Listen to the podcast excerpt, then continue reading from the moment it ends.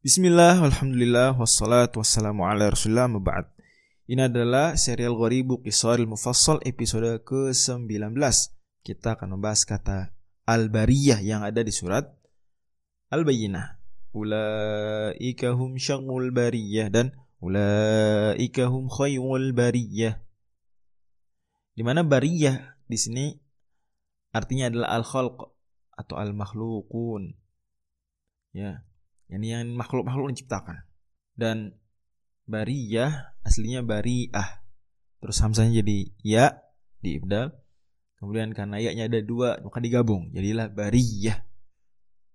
Dan dia karena aslinya bariah berarti fa'ilah.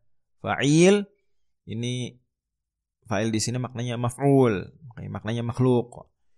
Berarti isim fa'ilnya fa'il apa? Bariun bariun.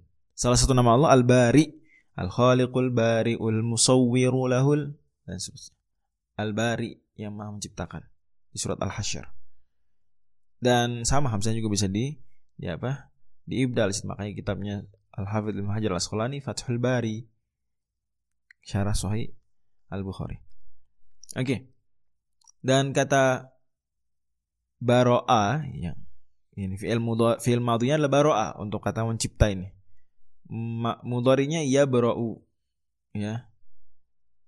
Min qabli an nabra'aha kata Allah di surat Al-Hadid. Min qabli an nabra'aha inna dzalika 'ala Allah yasir. Berarti baro'a ya bara'u baro'an menciptakan. Punya variasi juga. Akar-akar kata ini ba, ro dan hamzah punya variasi bari'a ya bara'u artinya Bari aybra'u Bur'an artinya terbebas, terlepas dari sesuatu. Makanya berlepas diri bari'ah. Kita tahu ada surat baro'ah. Baro'atum minallahi wa rasul. Sikap berlepas diri. Ya. Annallaha bari'um minal musyrikin. Surat dua surat Taubah. Di surat Al-Mumtahanah juga inna bura'a'u minkum. Jamaknya dari bari. Menyembuhkan karena menyembuhkan berarti kan melepaskan penyakit, ya juga sama. Akar katanya Nabi Isa dalam surah Al-Imran berkata wa ubriul akmaha wal abros Men menyembuhkan. Nah hubungannya apa antara semua itu? Hubungannya adalah salamatu syai'i. Ini selamatnya sesuatu terbebas sesuatu dari hal lain. Tadi jelas berlepas diri sembuh. Bagaimana nggak mencipta? Ini karena penciptaan Allah sempurna bebas dari cacat kekurangan. Allah